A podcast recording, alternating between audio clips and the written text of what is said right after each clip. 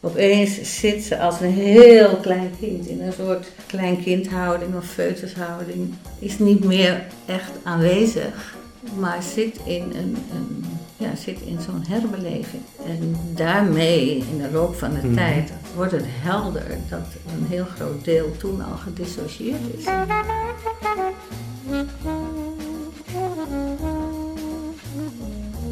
U luistert naar de Therapeut Podcast, een wekelijkse podcast waarin ik, Peter Voortman, openhartige gesprekken voer met therapeuten over hun professie, patiënten en zichzelf. Luister mee naar bijzondere, schrijnende en grappige verhalen uit de behandelkamer. Vandaag een gesprek met Frauke Ipema, een psychotherapeut. Ze is 73, voert nog actief haar praktijk, blijft nieuwsgierig en in ontwikkeling. Een boeiend gesprek vanuit veel ervaring over het bewuste en onbewuste, over trauma's en dissociëren. Luister mee.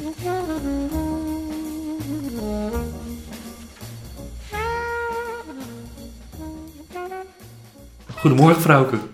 Hoi Peter. Goedemorgen. Ehm, wanneer ga je naar de psychotherapeut? Als je klachten hebt, als je je niet lekker voelt, als je pijn hebt en de dokter die kan eigenlijk niks vinden. Voor alle, alle soorten redenen. Ja, maar er is altijd een eh, klacht of een probleem voor iemand, een vraagstuk. Mhm. Dan ga je naar een psychotherapeut. En zijn er nog specifieke mensen die, die je aantrekt? Dat is wisselend. Ja? Ja, ja dat is wisselend. En ja, dan stel je gelijk een, eh, een hele leuke vraag. Want ik zit hier nu zo'n 25 jaar in deze praktijk. En eh, wisselende, klanten komen wisselen met wisselende vragen. Nagelang ik zelf eh, in mijn eigen biografie dingen doormaak. Het past zich aan naar... eh, Zoiets zou je kunnen zeggen. Dat Ja? is heel bijzonder, ja. vind ik. En neem je altijd dezelfde houding of relatie aan ten opzichte van, van je cliënt, patiënt? Ehm, dezelfde houding, misschien wel dezelfde innerlijke houding. Mhm. En dan moet ik denken aan. ehm, ik ben ook altijd geïnteresseerd in beelden, in films. En er is een film, As It Is in Heaven. En daar begint de hoofdspeler, de hoofdrolspeler Daniel. Die begint, hij is eh, muziekdirigent, hele grote, mondiaal bekend. En op een gegeven moment is hij opgebrand. Zijn agenda staat al vijf jaar vol. En hij kan niet meer. En hij trekt zich terug naar zijn geboortedorp, klein dorpje in Zweden. En begint daar met het plaatselijke, de plaatselijke bevolking een koortje op te zetten. En hij begint eigenlijk altijd met luisteren. Luisteren, zegt hij tegen dat koortje. Luisteren, want alle muziek is er al. En dat is ook wel iets wat ik me realiseer. Mhm. En dus die innerlijke houding hoop ik, het zal niet altijd lukken hoor, maar hoop ik wel, ben ik wel mee aanwezig. Laten we eens beginnen, laat ik eens beginnen met luisteren waar de cliënt mee komt. En pas je dan ehm, de, de, de houding die je aanneemt aan aan de, aan de zorgvraag? Nee. Dus als bijvoorbeeld, om een voorbeeld te geven, stel dat iemand heeft problemen gehad met, eh, met zijn moeder. En dat was een eh, niet zo vrolijke moeder. Neem je dan een positie aan van, van, van, van, van een vrouw die het tegen, tegenovergestelde aanbiedt? Doe je iets met, met die rol? Misschien in het verloop wel, maar ik begin met luisteren, want ik wil graag het verhaal horen. Ja. Het verhaal horen, wie was moeder? En wat heeft ze dan gedaan? Hoe heeft ze zich neergezet? Hoe heeft ze zich eh, geprofileerd? Dan kan het best zijn in een begindeel van een therapeutisch eh, traject dat ik ergens in mij iets van de goede moeder laat zien. Mhm. En dat doe ik dan redelijk bewust. En het is ook wel een deel wat ik in me heb. Ja. Maar, maar je speelt dus wel, of je gebruikt, je gebruikt die rol. Ja, je hebt het dan eigenlijk over overdracht en tegenoverdracht. Hè? Ja. En eh, dat is natuurlijk een bekend fenomeen in Hmm. de psychotherapie. En het wordt ook nogal eens eh, eh, weggezet in een hoek. Maar zo streng kijk ik er niet naar. Want je, en zeker ook als het Een cliënte van 2021, een jonge vrouw, nou, die uit zo'n gezinssituatie komt, waar veel geweld is gebruikt, veel trauma, klappen gekregen door het leven. En dan is het verhaal van haar is heel belangrijk, waar ze nu zit met haar bewustzijn. Dat ze me laat weten. En ja, dan ben ik echt wel een tijd lang. En dat gaat eigenlijk vanzelf. Ik, ik heb niet het zo het gevoel dat ik het speel. Mhm. Ik ben het me alleen wel bewust dat het zo gaat. Ja. Dat, uh, dat is wel een verschil. Ik speel niet echt een rol. Het gaat vanzelf. Ik voel me geraakt ook. En ik voel hoe zij miskend is, niet erkend is in wie ze bent. En hoeveel pijn dat heeft gedaan. Maar neem je wel bewust weer afscheid van die rol? Ja. Want is het moeilijk voor... Het is een bijzondere rol tussen de uh, therapeut en uh, cliënt. Um, het is ergens ook een onnatuurlijke rol. Om, omdat er iemand helemaal voor jou is. Ja, wanneer wordt die, die, die rol te veel? Wanneer zeg je van, ja, dit is eigenlijk... Nu moet je het zelf doen. Het gaat op geleide van het innerlijke proces Mhm. van de cliënt. Mate van bewustwording, mate van inzicht. En natuurlijk is het de bedoeling dat zij als een innerlijk en uiterlijk volwassen vrouw haar eigen leven leidt. En daar heeft ze helemaal geen moeder eh, van mij in nodig. meer. Ja. En is het dan de bedoeling dat zij zelf die ook eigenlijk de, de relatie verbreekt met de psychotherapeut? Of? Dat gaat ook eigenlijk toch meestal wel in overleg en in een stilstaan op gezette tijden van nou, hoe vind jij dat het gaat? Wat vind ik ervan? Mhm. Is, heb je het gevoel dat je jouw leven op je eigen manier weer aan kan? Heb je nog wat nodig? Dus ja, dat is wel in overleg. En als ik zelf heel erg het gevoel heb van nou, dit is nu echt wel klaar. Het is Mhm. nu, ja, je kan in wezen, kan je, als je het leuk vindt, kan je wel je leven lang eh, wekelijks blijven komen. Ja. Maar daar gaat het natuurlijk Nee. niet om. Dus- beëindig je wel eens zelf de therapie? eh, moet ik even denken. Nou, ik neem wel eh, soms zelf het initiatief. In de zin van, nou, ik heb het gevoel dat het echt de goede kant op gegaan is. En eh, dat we een beetje naar het afronden toe gaan. Wat vind jij ervan? Ja, ja. En soms neemt de cliënt zelf het initiatief. Ze zegt, nou, hij of zij, eh, ik wil wel naar eh, een afronding toe. Ik heb er wat aan gehad, ik kan voorlopig wel weer verder. ja. Dat, Ik, vroeger was het zo dat de thera- therapie wel jaren kon duren. Is dat nu nog steeds zo? Ja, dat is, dat is nog soms wel Ja. zo. Dat is niet, kijk de tijd hè, dat Freud eh, mensen op de coach had, eh, op de couch en er zelf achter zat te Ja. en te mhm doen. Mhm. En dagelijks, sommige mensen kwamen echt dagelijks voordat ze naar hun werk Ja. gingen, kwamen ze een half uur of drie kwartier op de couch liggen. Nou, dat, dat gebeurt in die zin niet zo. Mensen Je ziet ook geen mensen meer vijf keer per week. Nee, ik zie mensen hooguit, enkele uitzonderingen hoor, Pff, hooguit, maar dat is zo'n grote uitzondering, dat is drie keer in de week. Mhm. Uitzondering, maar gebeurt ook wel eens in een bepaalde fase twee keer in de week. Meer gangbaar is één keer in de week of één keer in de veertien dagen. En soms is het, mensen vragen ook vaak, hè, wat denk je, hoeveel tijd, hoe lang duurt het nou, hoe Ja. vaak moet ik komen? En dat wist ik in het begin natuurlijk ook niet zo goed. Dat leer je ook door ervaring. En op een gegeven moment was mij opgevallen dat het eigenlijk altijd zo'n duur van een zwangerschap was. Oké. En ik heb ook lang op de verloskunde gewerkt, dus daar heb ik Mhm. wel kijk op gekregen. Dus heel vaak zeg ik van nou, hou een beetje rekening met zo'n maand of negen. We noemen het ook dat 40 weken is de duur van een zwangerschap. Er wordt iets, ehm, er wordt iets gezaaid, een zaadje, maar het heeft ook aandacht en rust nodig en voeding nodig om te kunnen groeien in een nieuw, nieuwe innerlijke houding of in een nieuw stuk bewustwording. En ehm, ja, dan is het vaak zo dat om en nabij negen maanden we naar een afronding gaan. En ik vergeet het ook weer en de cliënt vergeet het weer. En dan uiteindelijk als we afronden, dan zegt hij of zij van... hé, hey, Ik dacht vanmorgen van, we zijn net zo'n beetje negen maanden bezig. Dat zei hij aan het Ja. begin. En er zijn natuurlijk zijn er ook mensen die, eh, die korter komen. Mhm. En er zijn ook echt wel eh, cliënten ja, die ik een paar jaar zie. En eh, Want, want her- hervorm je iemand... Kijk, als je denkt aan de, aan de zwangerschapperiode, denk je aan de wedergeboorte. Maar creëer je iets nieuws of maak je iets... eh, heel je iets waar... nou, allereerst doe ik dat niet. Nee, maar in proces. Mijn, in, ja, zeg maar, natuurlijk ben ik wel daarin, eh, lever ik mijn bijdrage. Mhm.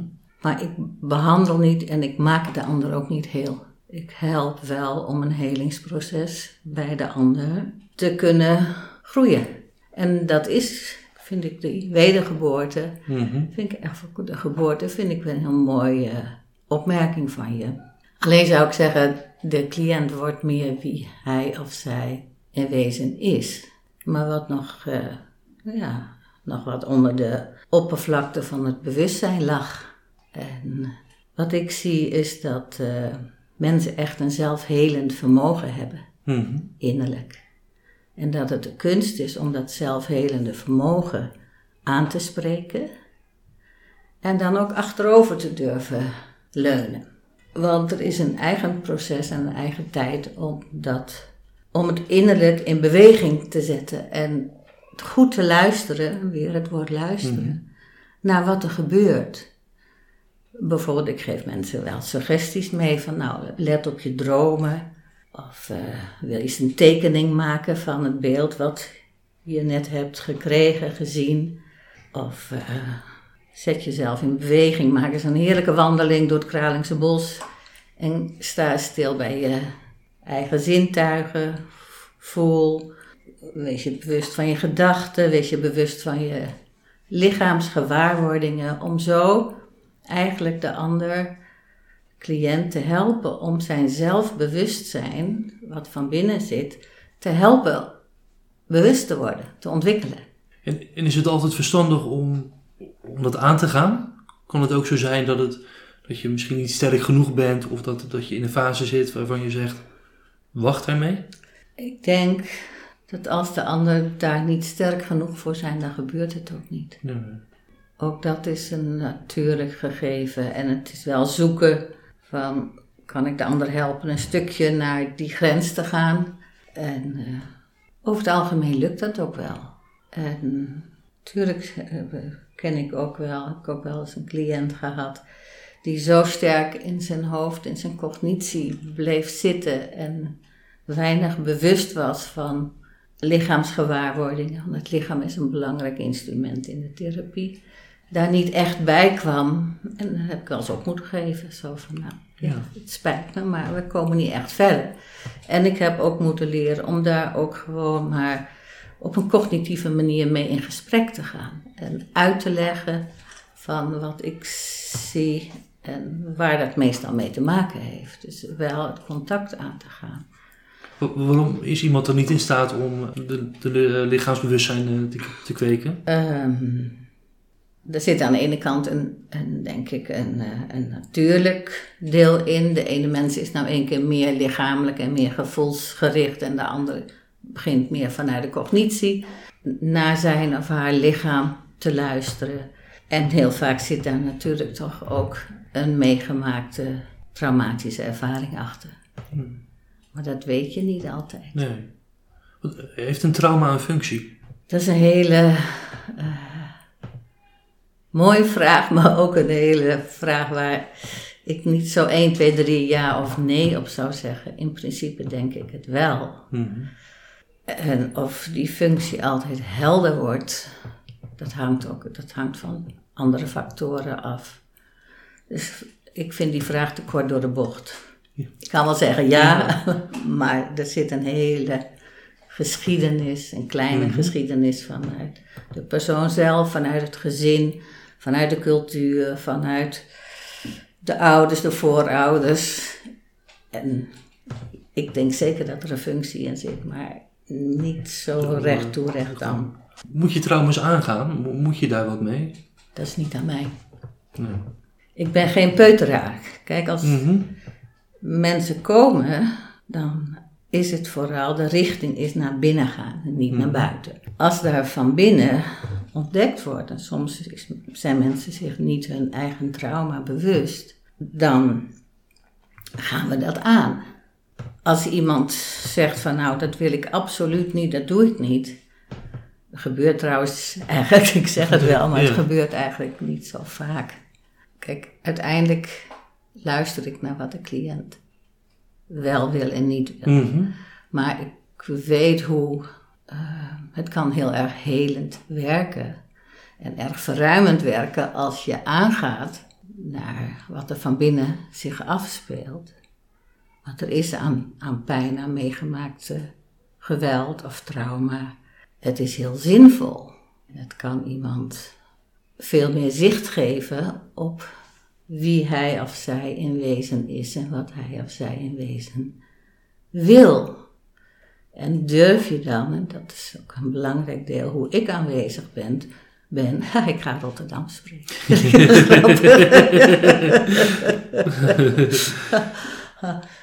of iemand die stap durft te maken. Mhm.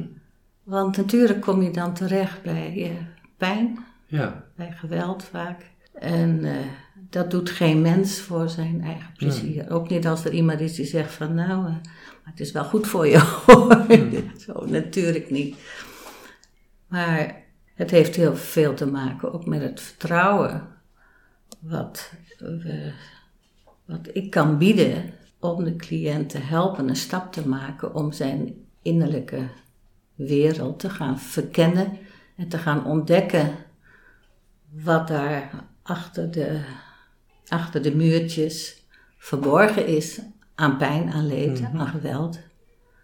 Want ja, daar heb je het, als het gaat over een trauma, dan heb Ja. je het daarover. Wa- Want hebben trauma's en verdrongen trauma's altijd een uitwerking? Ja, Dat, ja. Wat, wat voor soort uitwerkingen? Nou, kijk, ehm, pijn, geweld, verdriet en zeker ook op jonge leeftijd, dat kan je niet aan. Mhm. Dus dan hebben we een, een mechanisme, gelukkig, in onszelf, om het weg te zetten. Om het te gaan ontkennen, te gaan verdringen. Omdat je het op dat moment echt niet aan kan wat er, wat er gebeurt. Dus we hebben overlevingsstrategieën. En nou, ik ben heel blij dat we die als mens hadden Ja. hebben. Dus je, je gaat in de overlevingsstand en je gaat of in je eigen slachtofferrol, of je gaat in je eigen vechtersrol. De flight and fight mechanismen, nou, die ken je vast en zeker wel. Mhm. Of de fright, ik kan ook nog bevriezen. Ja. En zo kan je heel lang leven en dat hoeft ook niet eens te betekenen dat dat eh, geen goed leven zou zijn. Maar wie je werkelijk bent, is daarachter verborgen. Mhm. Dus dat is eigenlijk een rol die je aanneemt om te overleven. Ehm, als je een ver- verdrongen trauma hebt, dan heb je niet door dat dat trauma er is. Want het is gewoon, dat, is dat ook gewoon echt weg? Is het, Dat is echt weg. dat is echt weg. Dat is Dat, echt weg, dat, zeker. dat krijg je ook niet meer naar boven. Nou, dat kan je wel weer naar boven krijgen. Mhm. Dat komt soms wel weer naar boven. Kijk, en er is ook een verschil in hoe eh, ver weg het is. Als je, we hebben, dat vind ik het mooie van Jung, daarin heeft hij mij geïnspireerd. Er is een persoonlijk onbewuste, Mhm. waarin je eigen meegemaakte ervaringen, die te pijnlijk waren als kind meestal, die, je daar kun je vrij gemakkelijk, althans dat vind ik vrij gemakkelijk, kunnen die wel weer in het licht komen. Eh, uit de schaduw in het licht komen. Er is ook een eh, collectief onbewuste. En ik merk wel in de praktijk dat dat, zeker in de tijd waarin wij leven, dat er meer en meer mensen zijn die zich, ehm, die erachter komen dat ze leven met een trauma van ouders of grootouders. En natuurlijk haakt het wel ergens aan Mhm. op iets van hun eigen gevoel, bewe- innerlijke bewegingen. Maar er zit een lading bij die veel groter is dan vanuit hun eigen persoonlijke onbewuste deel. En is dat trauma meegegeven door het gedrag van de ouders? Of is dat genetisch, zeg maar, is het dat... Ja, hoe gaat dat mee? Dat komt mee met de, met de geboorte in de overdracht. Daar komt alles mee aan eh, hoe moeder, vooral moeder naar de wereld kijkt, hoe moeder kijkt naar mannen, hoe moeder kijkt naar bewuste en onbewuste ervaringen, die alleen kijkt naar wat ze heeft meegemaakt. En daar zit natuurlijk een deel van vader ook bij. Ja. Dat wordt, daar, ook, ook al zou je nog zo'n ongelooflijk bewustzijn hebben, en heel bewust baren, dan nog is die overdracht er. Dat, eh, dat is wel helder. Wat zijn het bewustzijn en het onbe- onbewustzijn? Zijn dat twee verschillende systemen? Of, eh, Het is eigenlijk één systeem natuurlijk. Maar het is zo'n groot systeem. Dan moet ik altijd denken aan, ik heb hier zo'n mooi plaatje van die grote ijsschots. Hè? mhm. What we see is often only a fractional part of what it really is. Die ijsschots die hier voor 90% onder water zit. En dit is het stukje. Zodat, dit is het geheel van bewustzijn, zeg maar, die hele ijsschots. Mhm. En als je zegt, ja, ons bewustzijn is het, het kleine topje wat boven het water uitkomt. Eh, en voor de rest, eh, ja, what you see is what you get. En voor de rest is er niks. Dan is dat maar bedroevend weinig. Want het hele grote geheel zit onder water. En daar zit de activiteit die ons gedrag beïnvloedt. Dus het zijn niet twee eh, systemen die met elkaar in gevecht zijn. Het is één geheel wat... Het wat is één, ge- één geheel, maar ze kunnen wel met elkaar eh, strijd leveren. Ja. Zeker. En dat doen ze natuurlijk ook wel. Je zegt net van, het is op zich nog wel te doen om eh, vroege tra- trauma's uit, het, uit je leven op te halen.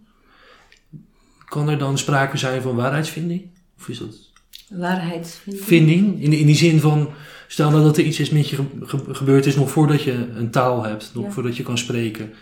Ja. Ehm, hoe, hoe kan je dan weten wat dat is? Of, Zeker als dat echt een trauma is. En er echt eh, geweld bijvoorbeeld gespeeld heeft. In de zin van ernstige verwaarlozing of in de zin van incest. Mhm. Veel klappen, preverbaal soms al. Dan in de loop van de therapie kom je erachter omdat iemand bijvoorbeeld opeens een soort van wegraking heeft. Een soort, hè, dat wordt eh, dissociatie genoemd. Mhm. Echt terechtkomt in een herbeleving van hele jonge leeftijd. Hè, Dan zit iemand bijvoorbeeld, de vrouw die ik zo voor ogen heb, opeens zit ze als een heel klein kind in een soort kleinkindhouding of foetushouding.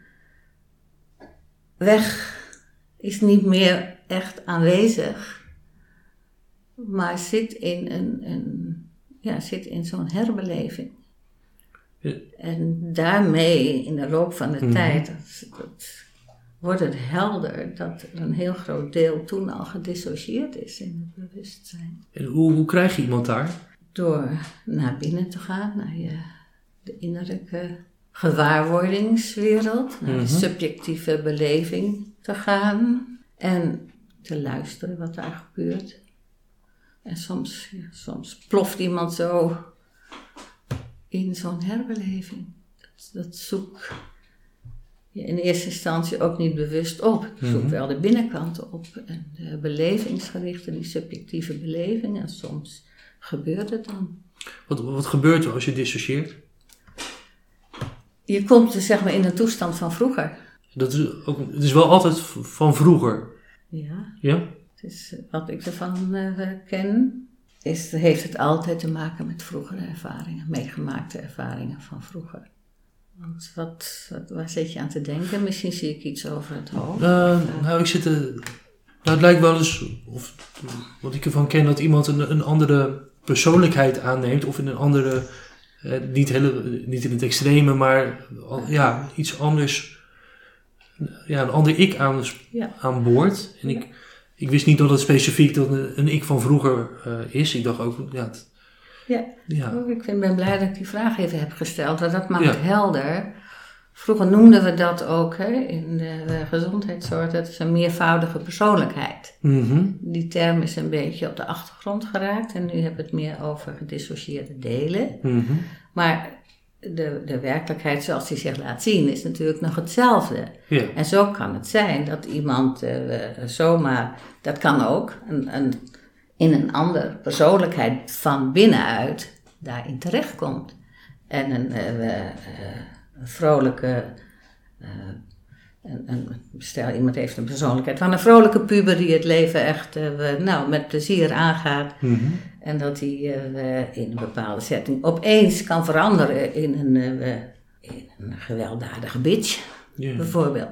En die twee delen, die kennen elkaar niet. Dat, het is, dat is op zich heel bijzonder. Die zijn dus los van elkaar, opereren ze. Iemand kan daar tussen, tussen switchen of... Ja, dat, maar dat gebeurt als vanzelf. Ja. Dat gebeurt als vanzelf als het niet meer zo veilig is in de Mhm. ene. Dan komt er een andere persoonlijkheid naar voren. Die alle, alle gedesintegreerd zijn. En dissociëren we allemaal in een zekere zin, Ja. meer, meer of mindere mate. Ik denk het wel. Ja. We hebben allemaal ook onze eigen rollen, heb je het dan Mhm. eigenlijk weer over. En eh, in zekere zin met een, een goede mate van zelfbewustzijn eh, krijg je daar wel zicht op. En als die op zich veilig zijn geweest, al die rollen, ja, dan is het ook niet zo'n punt. Maar als het niet veilig is geweest, dan, dan heb je daar dus iets anders tegenover te zetten. En dat kan heel ver gaan. Eh, En hoe, hoe, hoe ga, wat, ja, wat doe je dan met iemand? Hoe zet je de, de behandeling Kijk, wat je uiteindelijk graag wil, is Mhm. dat al die verschillende ikken of persoonlijkheden, dat die weer gaan integreren in één ik.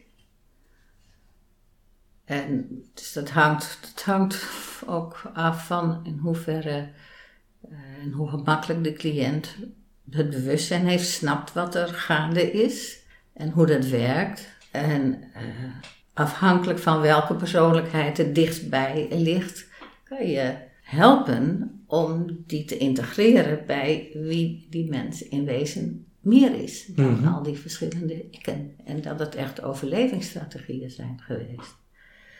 Dus je doet nooit afstoten, maar altijd integreren. Altijd, ja. Dat, eh, Ja, ja. Kijk, het kan zijn dat je afrekent. Dat is misschien wat jij bedoelt met afstoten. Als er een geweldige moordenaar in zit, dan probeer je ook juist ook dat stuk. Maar dat, dat, dan heb je het echt over een heel lang traject hoor, want dat Mhm. is ingewikkeld. Om ook je eigen schaduwdelen moordenaars zijn er. En wat er buiten is, is ook binnen. Dus ik ga ervan uit dat ook jij en ik een moordenaar in ons hebben. En die, ook die wil je in eerste instantie niet afstoten, maar onder ogen zien dat dat een deel is van mijn, van jou, van de cliënt. Bewustzijn. Maar kijk, als, dat, dat gaat gepaard met moorden is geweld, is geweldig Mhm. trauma. Dus dat, daar kan je niet mee beginnen, want dat is nou net waardoor de cliënt is ontsnapt. Door dat weg te zetten. En als ik haar, of hem, in een te vroeg stadium daarmee confronteer, ja, dan, dan, dan moet, moet zij of hij weer weggaan mhm. in dat stuk. Pas veel later, als er meer sprake is van een integratie, van een steviger innerlijke houding met wat meer ik-bewustzijn, dan kun je het wel, en soms gebeurt het ook wel vanzelf, dat iemand merkt, hé, hey, ik ben niet alleen slachtoffer van geweld geweest, maar ik ben ook, ik heb ook zelf een dader in mij. En dan kom je eigenlijk tot heling. La- laat je die delen dan met elkaar in gesprek gaan? Of? Nou, veel meer gebeurt het eigenlijk van binnenuit in dat natuurlijke innerlijke proces Mhm. bij de ander. Dat is waar ik eigenlijk heel nauwlettend naar kijk en naar luister. En, ehm, of in dromen. En van daaruit zet je een, een methodiek in. En dat kan inderdaad wel eens zijn door zo'n soort voice dialogue, eh, zeg je eigenlijk. Maar, en dat kan ook door stil te staan bij een droom en te kijken wat er precies gebeurde. Ehm, dat kan ook gewoon in het gesprek door een vraag te stellen. Van, nou, als je dit droomt, het, het ziet er naar uit dat degene in jouw droom die dader is, dat die ook bij jou wil horen. En het lijkt alsof je in de droom heel erg op de vlucht bent daarvoor, maar hoe zou het zijn als je je eens om zou draaien en die dader aan zou kijken? Dus zo, zo eh, is het een. Ehm, het is een voorzichtig aanvoelen ook van wat gaat de cliënt helpen om mhm. tot integratie te komen. En dat ben ik niet primair. Mhm. Dat is iets in de ander zelf. Want wil dat allemaal, wil het aan het licht komen? Wil ja. als je... Ja, het wil aan het licht en dat, dat blijft net zo lang in, in, in dromen en in gedrag naar boven komen totdat...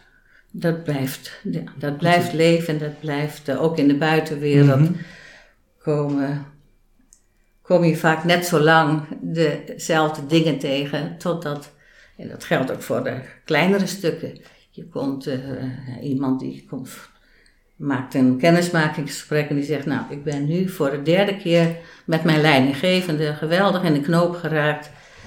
En uh, eigenlijk heb ik dit al twee keer en eigenlijk ken ik het al langer. Ik geloof, ik moet er nu maar een keer naar kijken. Het is in, mhm. in een stukje eenvoudiger, maar zo, zo willen tot het licht komen. Ja. Door gebeurtenissen, door mee, dingen die je meemaakt. En op een gegeven moment zegt het ligt niet meer aan die boze baas van mij. Ik heb daar ook een rol in. En dan, ja, dan heb je natuurlijk een start om te beginnen. Ja. En zo is het met deze hele diepe, diepe lagen en meegemaakte geweldservaringen. Is het niet veel anders, alleen ligt het veel dieper en ligt het veel, zeker als het op jonge leeftijd gebeurd is, ja, zitten daar veel meer haken en ogen aan. Maar dat probeert zich wel in enige vorm te laten zien? Ja, dat probeert zich in mhm. enige vorm te laten zien, omdat ken eigenlijk alles wat zich in het onbewuste gaat roeren, dat wil tot bewustzijn komen. En ik zal nooit helpen om het weer weg te krijgen. Mhm. Wat is het doel van het bewustzijn om volledig bewust te zijn? Volledig bewust, ja, dat is een grote. ja, niet dat ik denk dat het kan, maar is, is dat de, functie om dat. Ik denk dat het uh, de bedoeling is dat uh, wij als mens hier op aarde komen om zoveel als mogelijk onszelf te zijn. Uniek. Mm Er is maar één Peter zoals jij in de hele wereld en er is ook maar één vrouw zoals mhm. ik in de hele wereld. En ik ga ervan uit dat we hier niet voor niks zijn op deze mooie aarde, maar dat het een bedoeling heeft. En dat de bedoeling zeker is om jezelf en je eigen uniekheid te gaan leren kennen en die ook naar buiten brengen. Want het is geen navelstaren.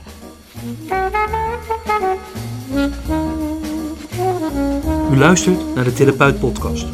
Abonneer u via uw favoriete podcast-app en krijgt elke week automatisch een nieuwe aflevering. We horen graag uw mening. Vragen, opmerkingen of suggesties kunt u sturen naar info.detherapeutpodcast.nl of laat een review achter via uw podcast app. Als je kijkt naar uh, dissociëren, waarin verschilt een psychose van dissociëren? Nou, um, wat, is, wat, wat is een psychose? Ja, een psychose is natuurlijk een hele andere werkelijkheid, in een andere werkelijkheid stappen. Mhm. Meestal omdat de huidige werkelijkheid zo angstig is dat dat niet te uh, behappen valt. En dan is er de psychose die eigenlijk ook een stukje op dat moment uitkomst kan bieden. En um, in een totaal andere werkelijkheid. En, toch zie je vaak ook wel dat mensen in de psychose heel erg bang of angstig zijn. Maar dat is dan nog, nog steeds beter te behappen dan hetgene wat weggezet wordt. Voor in het geval van de ander onbewust. Mhm. Ja.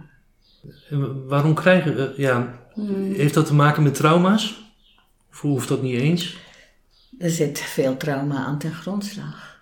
Kijk, wij, wij bestrijden natuurlijk de psychose. Mhm ik heb te weinig ervaringen met uh, mensen in een psychose. Mm -hmm. Heb ze wel, maar te weinig. Mhm. om daar een heel gericht antwoord, waarin ik, waarvan ik zelf het gevoel heb, ja, zo is het, te geven. Ehm, in het begin van iemand in een psychose, dan heb je voor iemand zorg te dragen dat hij of zij zichzelf geen kwaad doet en Mhm. eh, niet beschadigt. Dus dan heb je ook een opname of wat dan ook nodig. En dan heb je ook misschien wel korte tijd medicijnen nodig.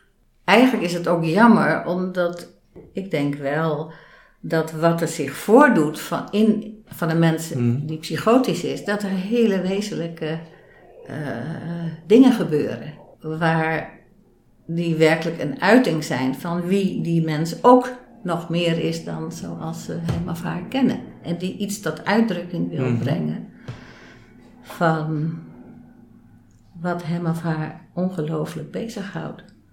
En dat, ja, dat zetten we natuurlijk weg, omdat we dat lastig vinden en we rust willen.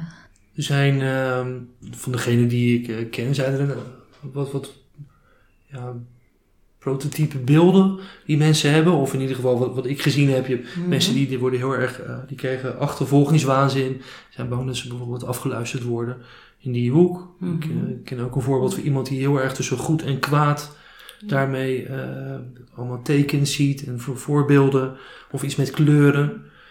Ehm, weet je of die, Ja. die, die beelden iets zeggen over het type trauma of hetgene wat zich aan het licht wil laten komen?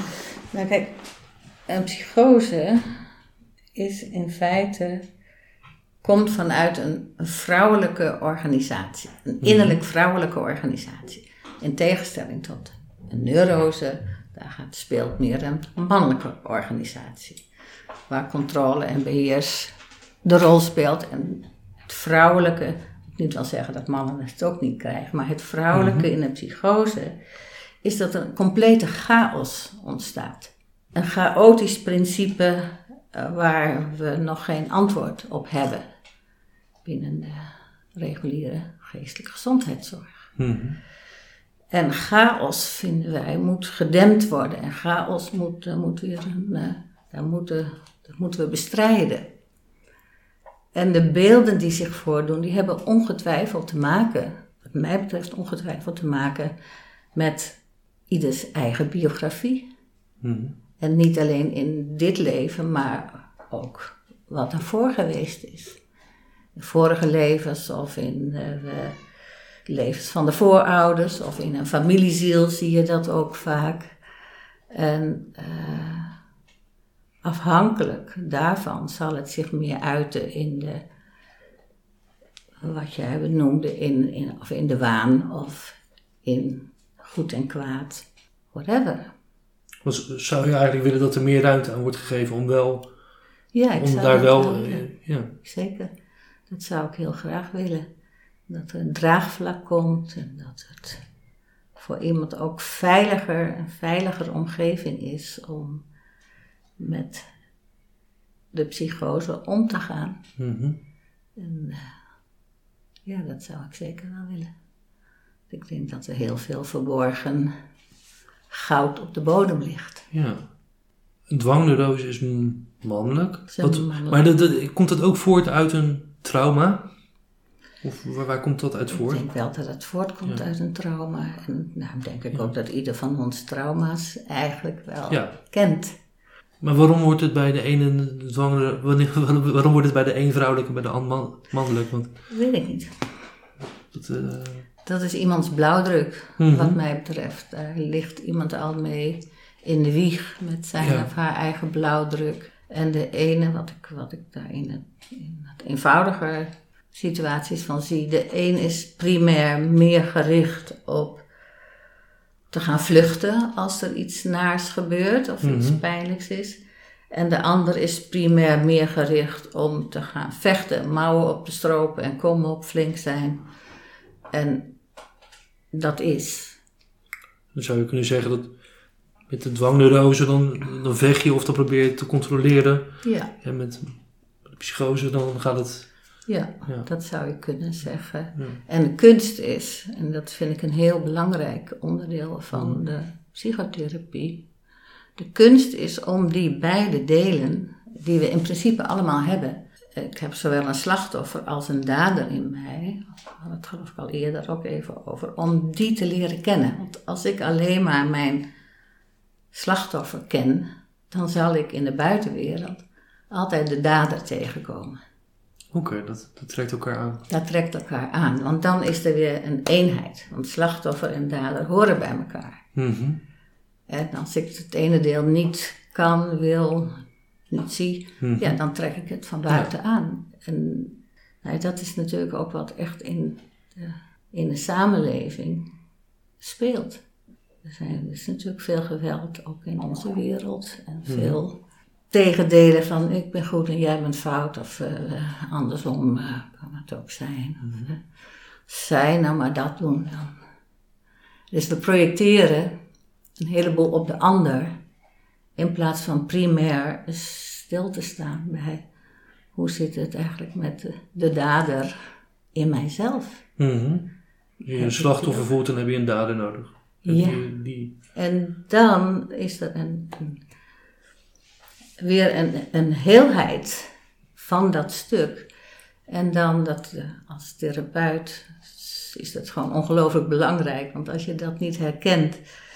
En ik wil bijvoorbeeld geen dader zijn, want daar heb ik een hekel aan. Eh, Mhm. vind ik, eh, dat heb ik niet. Hè? Zo kan je heel lang onbewust zijn van je eigen machten, van je eigen daderschap. Mhm. Maar dan krijg ik een cliënt tegenover me die bij uitstek primair een flinke vechter is en ook niet schuwt om eh, een tik uit te delen. Nou, als die in mijn stoel komt, dan eh, ben ik daar heel bang voor, want ik verdring het binnen mezelf. Dus iemand kan me niet zo open en bloot dat stuk hier in de therapieruimte zetten, want daar kan ik niet mee omgaan. ja, ja. Als ik mijn eigen daderschap en mijn eigen slachtofferschap in nou, redelijk goede mate ken, heb geleerd dat, dat, dat die er zijn, en ik veroordeel ze niet, ja, dan hoef ik ook niks in de cliënt te veroordelen. Dat wil niet zeggen dat hij dan, eh, maar dan kan ik de cliënt helpen Mhm. om zijn eigen slachtoffer te vinden. En het werkt heel nauw. Het voelt, de cliënt voelt onmiddellijk of ik hem of haar veroordeel of niet. Hoe kan het dat sommige mensen pas op latere leeftijd nooit eigenlijk psychische problemen hebben gehad en ineens op zo rond de 37 of zo ineens ja misschien een psychose of echt gewoon flink van het pad afraken en gewoon niet, Ja. niet meer kunnen functioneren. Terwijl daar eigenlijk daarvoor nooit echt eh, hoe kan dat? Ja, kan dat. Waar het te maken mee Ja. heeft, is de innerlijke ontwikkeling, of de innerlijke afwikkeling Mhm. misschien al. Zoals ik aan het begin zei van die Daniel, dirigent. Mhm. Alles begint met luisteren, alle muziek is er al. Zo is het ook met innerlijke ontwikkeling van wie je in wezen bent. Alles is al aanwezig. En langzaam maar zeker in je biografische groei kom je, leeftijd die jij noemt is wel grappig, 37, Hm. dat zo vanuit een bepaald inzicht je eigenlijk zo rond 36 begint je, beginnen de schaduwdelen op te spelen. Krijg je van binnenuit, zo kan je het ook zien, mogelijkheden om daar zicht op te krijgen. En voorheen was dat, lag dat nog veilig en wel verscholen in een onbewuste deel. Daar ben je dan ook, onbewust is ook echt onbewust, daar ben je dan ook niet gewaar van. En door die ontwikkeling, afwikkeling, komt dat, wil dat in het bewustzijn komen. En dat is zo, zeker rond de 37. Want wa- waarom eh, op die leeftijd zit daar iets? Nou, er zit een kosmologisch eh, gedachtegoed achter. Mhm. In de zin van eh, dat we de cirkel, je kan eigenlijk de dierenriem daar heel mooi voor gebruiken. De dierenriem, hè, de ram, de tweelingen, de stier, omgekeerd. Die zo rond, de cirkel rondmaken, die elke nacht bij ons aan de hemel verschijnen met hun eigen energieën. En ehm, volgens een Jungiaanse opvatting en ook wel vanuit andere opvattingen. Maar heb je zo voor ieder beeld wat je gaat zes jaar nodig. Dus beginnend bij de ram heb je zes jaar nodig om bij de stier te komen. En op de tweede, in de tweede helft, Mhm. daar kom je je schaduwdelen tegen. Dus na 36 jaar, ik weet niet wat voor teken jij eh, wel ook alweer had. Boogschutter. De boogschutter, ja. Nou, bij 36 ben jij, kom jij terecht bij de tweelingen. Mhm. Want de tweelingen en de boogschutter, die delen hun as. Alleen de eerste helft ja, is in de zon en de tweede helft komt uit de schaduw tevoorschijn.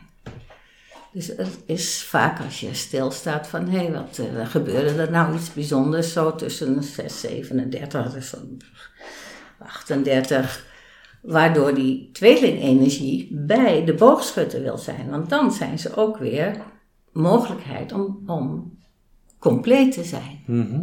En zo, ja, zo is het ook. Met, dan komen mensen ook eerder met klachten. Want de schaduw komt tevoorschijn, maar die komt nooit als een, eh, als een liefdevolle eh, eh, man of vrouw aan de deur kloppen van nou, nou ben ik er en eh god, fijn dat ik erbij kom en kom maar binnen. Nee, die klopt aan de deur en dat voelt over het algemeen helemaal niet fijn. En dan bedoel ik aan de innerlijke deur. Mhm. Dat, eh, dat, dat gaat altijd gepaard met eh, iets wat lastig is. En als we daar geen oog voor hebben, ja, dan ga je het bestrijden. En dat is in zekere zin ook jammer, omdat het dan niet tot het bewustzijn komt. Dan hou je het ook in stand. Dan hou je het in stand, ja zeker. En ondergronds gaat het bewustzijn wel door, maar je bent het je niet bewust. En dus je, dan zijn er wel twee lagen. Twee lagen in de zin van eh, je innerlijke ontwikkeling gaat heus wel door, ook al ben je er niet bij, maar dan gaat het ondergronds eh, in, in de schaduw gaat het verder. En misschien heb je wat langer nodig om eh, pas op je zestigste Mhm. nog eens een keer weer echt zo'n klop aan de deur te voelen. En op dat moment besluiten om daar echt eens bij stil te gaan staan. En dan hoef je echt niet terug te gaan naar eh, 34.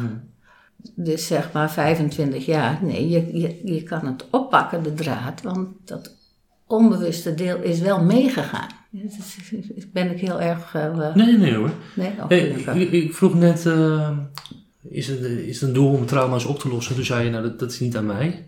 Dat, is, dat geldt dan voor je, voor je cliënten. Maar voor, als je- of gewoon als je naar jezelf kijkt, is het is voor jezelf een doel om zeg maar, trauma's weg te werken? Om, zou het een doel moeten zijn van iemand? Zonder dat, dat, dat directief van moeten, Nou, maar... ik vind, ja, want dat, dat, dat zijn ook denkbeelden en eh, er kunnen aannames in zitten, denkbeelden van dat het zou moeten. Mhm. Waar komt het dan vanuit? Welke innerlijke bron komt dat dan? Dat klinkt ook iets van vanuit het ego. Het zou zus moeten en zo is het Mhm. nooit in werkelijkheid. Ehm, in mijn eigen leven is het zinvol om bezig te zijn met de traumatische ervaringen. Ik, dat, daar, als het zich aandient. Ik, bedoel, dat, ik kan niet zeggen, dat gevoel heb ik niet. Ik kan niet zeggen van nou, dat wil ik niet. Dan ben ik voor mijzelf niet geloofwaardig. Vanwege je beroep. Vanwege, ja, vanwege wie ik ben. Ja. Vanwege ook van het vak wat ik heb gekozen, of wat mij misschien wel heeft gekozen. Mhm. Dus dat, eh, ja, zo voel ik dat wel.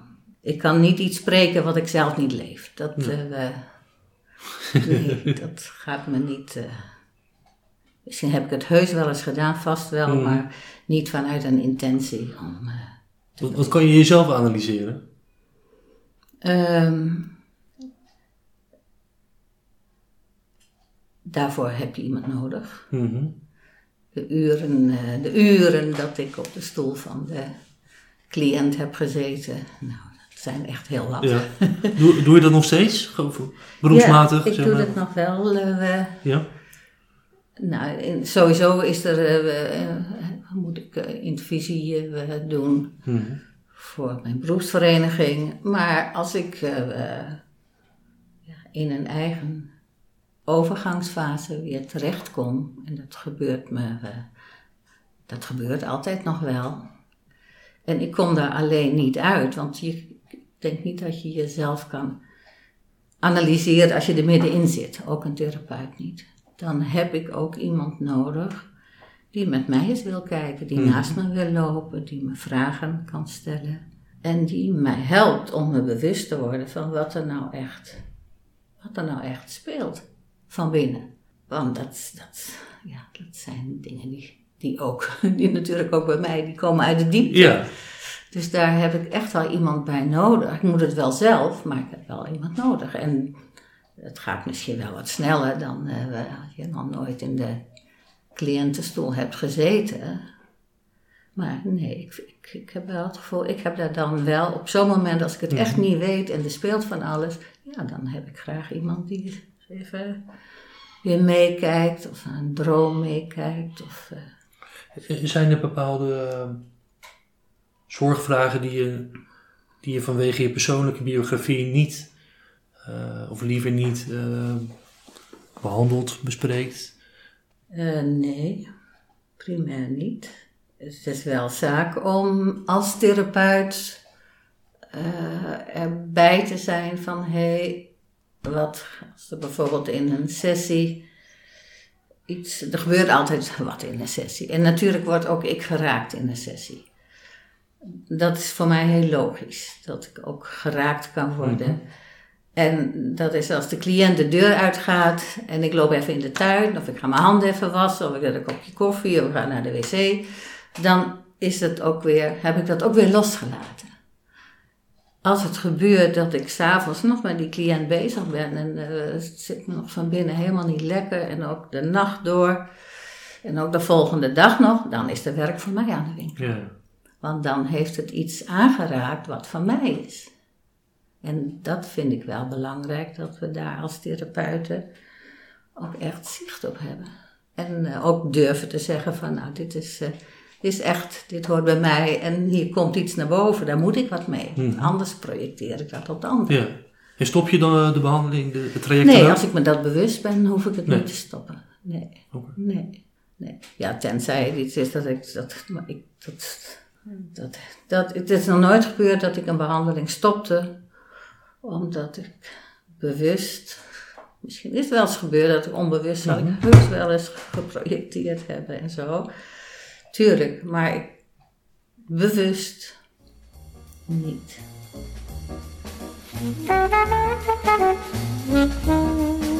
U luisterde naar de Therapeut podcast. Abonneer u via uw favoriete podcast app en krijgt elke week automatisch een nieuwe aflevering. We horen graag uw mening. Vragen, opmerkingen of suggesties kunt u sturen naar info.detherapeutpodcast.nl of laat een review achter via uw podcast